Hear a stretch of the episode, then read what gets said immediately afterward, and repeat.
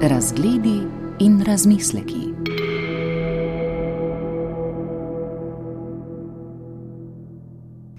MRI je kratica za magnetno resonanco.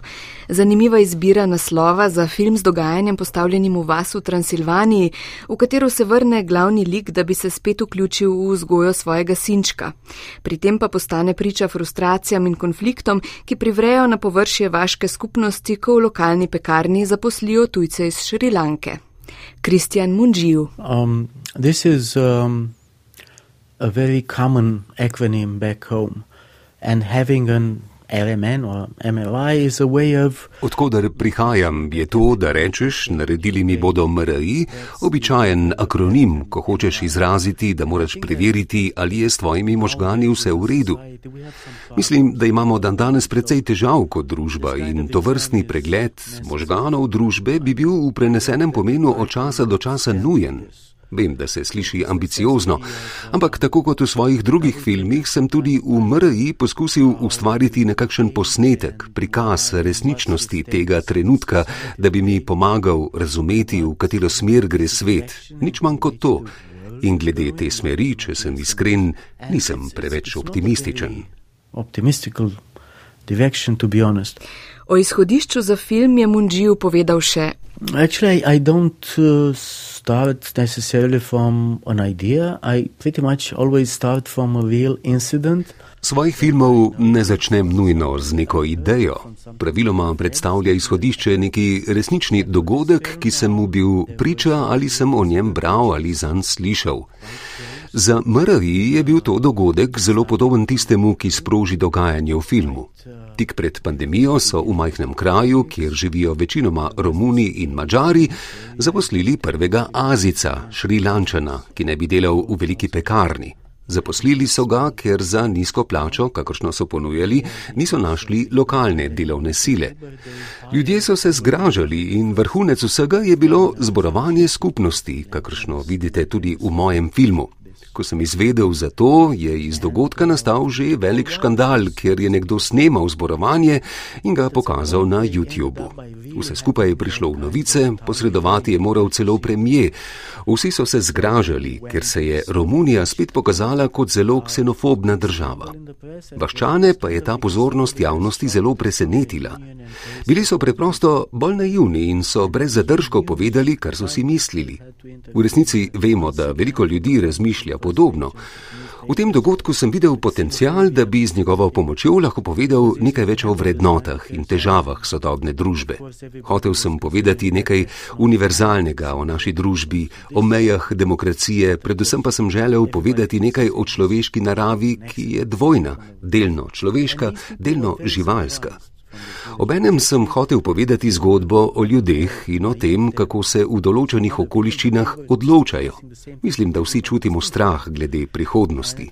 Prihodnost, kakršno so napovedovali v znanstveno-fantastičnih filmih v 70-ih letih, se ne zdi več zelo oddaljena. Kot starš se sprašuješ, kaj bi povedal svojim otrokom. As a parent, you feel that you don't really know what to tell your children. So Kristjan Munđiv je s filmom MRI ustvaril poantiran razmislek o politiki Evropske unije, ki sicer propagira idejo o enakopravnosti vseh članic, vseeno pa nekateri ostajajo enakopravnejši od drugih.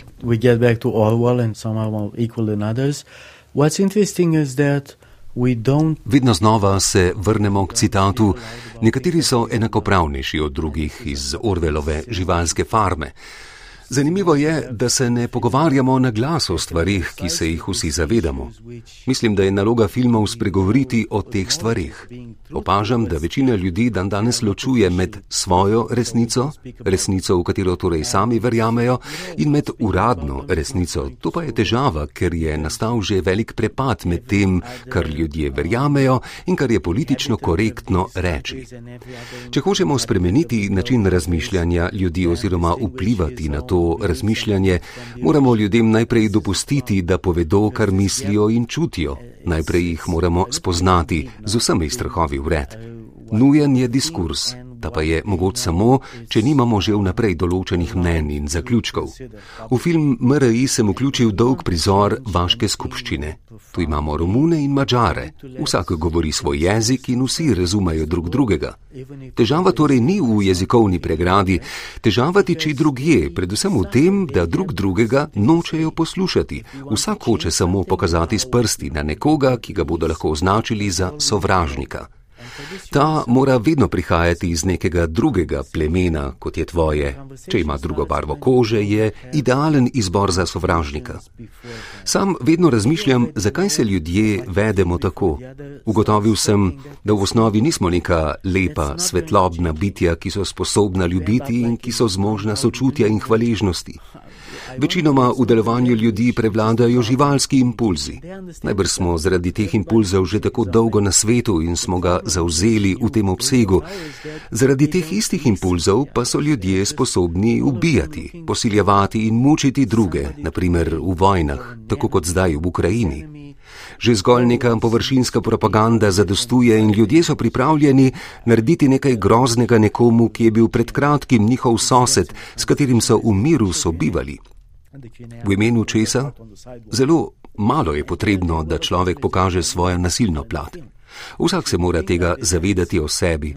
Ko boš izzvan, boš reagiral nagonsko, živalsko. Film ponuja možnost, da spremljaš zgodbo o nekom drugem, ki pa v bistvu govori o vseh nas. Lahko pa zauzamemo vzvišeno pozo in rečemo, da se nas vsebine, ki jih spremljamo na platnu, ne tičejo. V osnovi se vsi strinjamo, da je dobro biti radodaren, toleranten in tako naprej.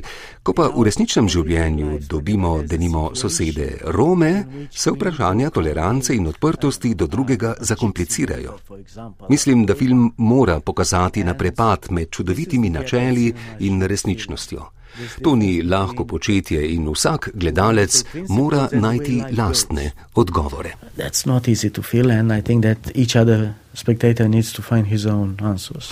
Kristjan Munđiju se v svojih filmih loteva izrazito ambicioznih, resnih, težkih tem, ki pa jih uplete v zanimive zgodbe o posameznikih. Tu sta temi korupcije in vprašanje, kaj so starši pripravljeni narediti za svoje otroke v filmu Matura.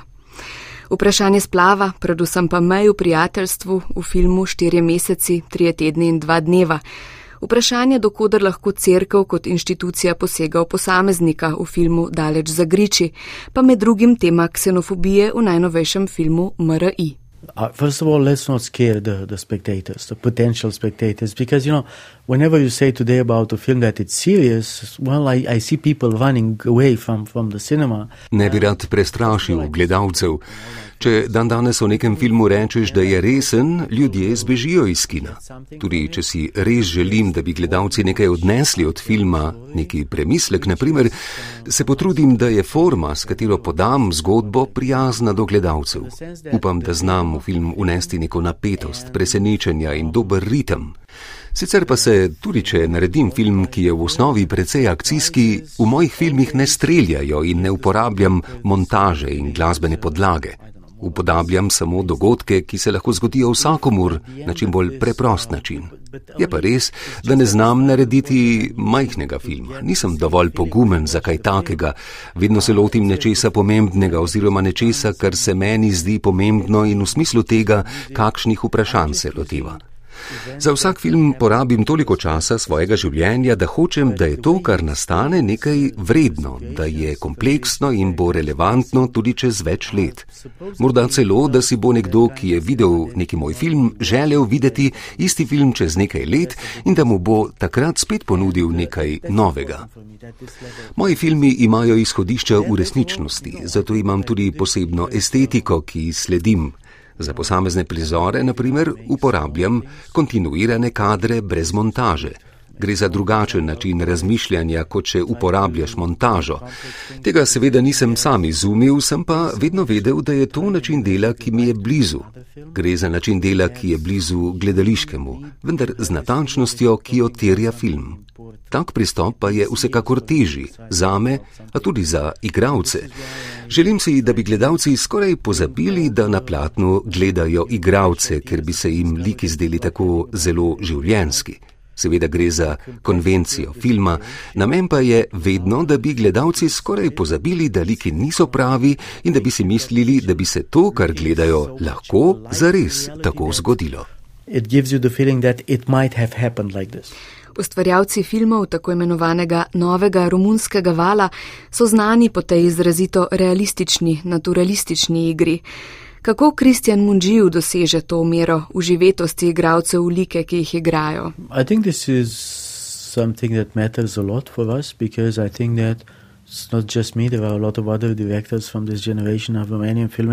To moji generaciji romunskih filmskih ustvarjalcev veliko pomeni. Realizem, ki ga želimo doseči, je tesno povezan z določenim načinom igre. Naučil sem se, da če želim doseči res dobro igro, ne smem pustiti igralcu, da improvizira, predvsem, če imaš na en prizor samo en kader, torej brez rezov. Kot režiser nisem pri snemanju prisoten več, kot je nujno. Kamera nikoli ni preblizu. Najpomembnejše pa je, da imaš kot režiser prave igralce, ki znajo delati na tak način. Zasedba igralcev je zato izredno pomembna. Igralec mora biti dober in mora razumeti, kaj hočeš doseči in mora slediti tvoji logiki, ko gre za dialoge. Vsak dialog ima svojo logiko, ko gre za to, kako ga izpeljati, kako ga izraziti. Tukaj ni veliko možnosti. Če igralec dojame, kaj hočeš z dialogi izraziti in kako želiš to narediti, je laže delati z njim. Za igralca je način dela, kjer ni rezov, po eni strani mogoče celo lažji, ker se lahko v dogajanje bolj uživi, po drugi strani pa mora biti izjemno natančen. Vedno veliko vadimo z igralci, tako da vedo, kaj morajo narediti, ko pridejo na snemanje, na snemanju pa morajo, medtem ko govorijo, izvesti vrsto dejanj. Dam jim cel kup nalog, ki jih morajo izvršiti medtem, ko govorijo. Vse najprej odigram sam, da vidim, katere predmete bom potreboval in da bom tako ujel pravi ritem, potem pa dam to narediti igralcem, od katerih seveda pričakujem, da bodo vse skupaj upravili veliko bolje od mene. Na snemanju potem veliko krat ponovimo vse skupaj, dokler igravci niso povsem sproščeni v tem, kar govorijo in delajo in se lahko res osredotočijo na čustva v ozadju. Včasih se to vseeno ne zgodi, nekaj ne deluje in ne veš zakaj ne. Včasih nam v nekem dnevu ne uspe posneti prizora. V tem primeru si vzamemo še en dan, zato je koristno, da sem svoj lastni producent. Naslednji dan nam svežo energijo ponavadi uspe. Na snemanju je pa seveda vedno tudi kup drugih težav, ki te odvračajo od procesa ustvarjanja. Avtorski filmi, kakršne delam, nikoli niso popolni, nikoli niso čisto taki, kakršne si si jih zamislil. Film je na koncu vedno kombinacija tega, kar si si želel doseči in kar se je dejansko zgodilo, ko si snemal. Če si dovolj pameten in pozoren, ugotoviš, da so nekatere stvari, ki so se zgodile in jih nisi načrtoval, filmu v korist. That uh, happen will be for the benefit of the film, if you allow them to happen da gledalec skoraj pozabi, da na platno ne gleda pravih ljudi, je pomembno, da so liki prepričljivi. To pa Kristjan Munđiju doseže tako, da jih pokaže ravno prav nekoherentno, da se gledalci sprašujemo, zakaj ravnajo, kot ravnajo. Yes, uh, again, this is uh, coming from observing reality and life. If you meet somebody. Ja, to prihaja iz opazovanja sveta. Če nekoga srečaš, ta človek ponavadi ne govori o sebi, ugotoviti boš moral, kdo je ta oseba iz svojega zunanjega gledišča. Tudi v filmu, v nasprotju z literaturo, ne moreš prikazati tega, o čem nekdo razmišlja, ampak samo to, kako deluje. Kako razmišlja in zakaj deluje na neki način, vedno ostane do neke mere prikrito. Pogosto ljudje celo zase ne vemo, zakaj smo v dani situaciji delovali tako in tako, zakaj smo se odločili za nekaj. Pri drugem je to še toliko teže. Veliko teh reakcij temeli na čustvenem življenju. Če hočeš ustvarjati realistične filme, se moraš naučiti tega, kako se ljudje vedajo. Vedno, ko pišem scenarij, sem pozoren na to, da liki niso povsem enoznačni, da vse, kar naredijo, ni koherentno, da niso ne dobri, ne slabi, da nekatere njihove lasnosti hitro prepoznamo, drugih pa ne. Za svoj zadnji film sem vsakemu igralcu napisal zelo kompleksno biografijo njihovega lika. Večina tega ni v filmu in vendar je v ozadju. Kot pisec scenarija in režiser seveda tudi moraš čim več vedeti o vseh svojih likih, ne smeš pa vsega razkriti gledalcu. Čila, glavna ženska oseba v filmu MRI, je odraz tega, da dan danes zaradi interneta in dostopnosti nekaterih informacij povsod najdemo bolj napredno usmerjene ljudi. Matijas je tudi zanimiv. Iz ameriških filmov smo vajeni, da protagonist v teku filma napreduje, da pride do določenih spoznanj, pri Matijasu pa ni tako. In tako je večinoma tudi v naših življenjih. Redko kdaj se zgodi, da imamo kakšna velika spoznanja, ki nas bodo preusmerila v toku življenja. Res pa je, da ima ta moški, ki ima na začetku filma zelo jasna stališča glede moškosti in drugih stvari, na koncu filmskega dogajanja več dvomov in da se je po svoje vseeno nečesa naučil. Spozna, da tudi če se poskusiš skriti in postati ovca, ki ima enako konformistično mnenje kot druge ovce, krivda ostaja tvoja. Na koncu se nekaj nauči o človeški naravi, nauči se nečesa o svoji dvojni naravi in da se bo moral odločiti, kateri strani bo bolj prisluhnil. Temnejšim impulzom, ki izvirajo iz nezavednega, ali pa svetlejši, bolj odprti in sočutni naravi. Mene niti ne zanima toliko, zakaj se bo odločil on, ker je konec koncev namišljen lik, ampak zakaj se bomo odločili mi, ki bomo oblikovali svet, v katerem bodo živeli naši otroci. Da se bomo pripravili, kako bomo reagirali v trenutku, ko bo to od nas zahtevano.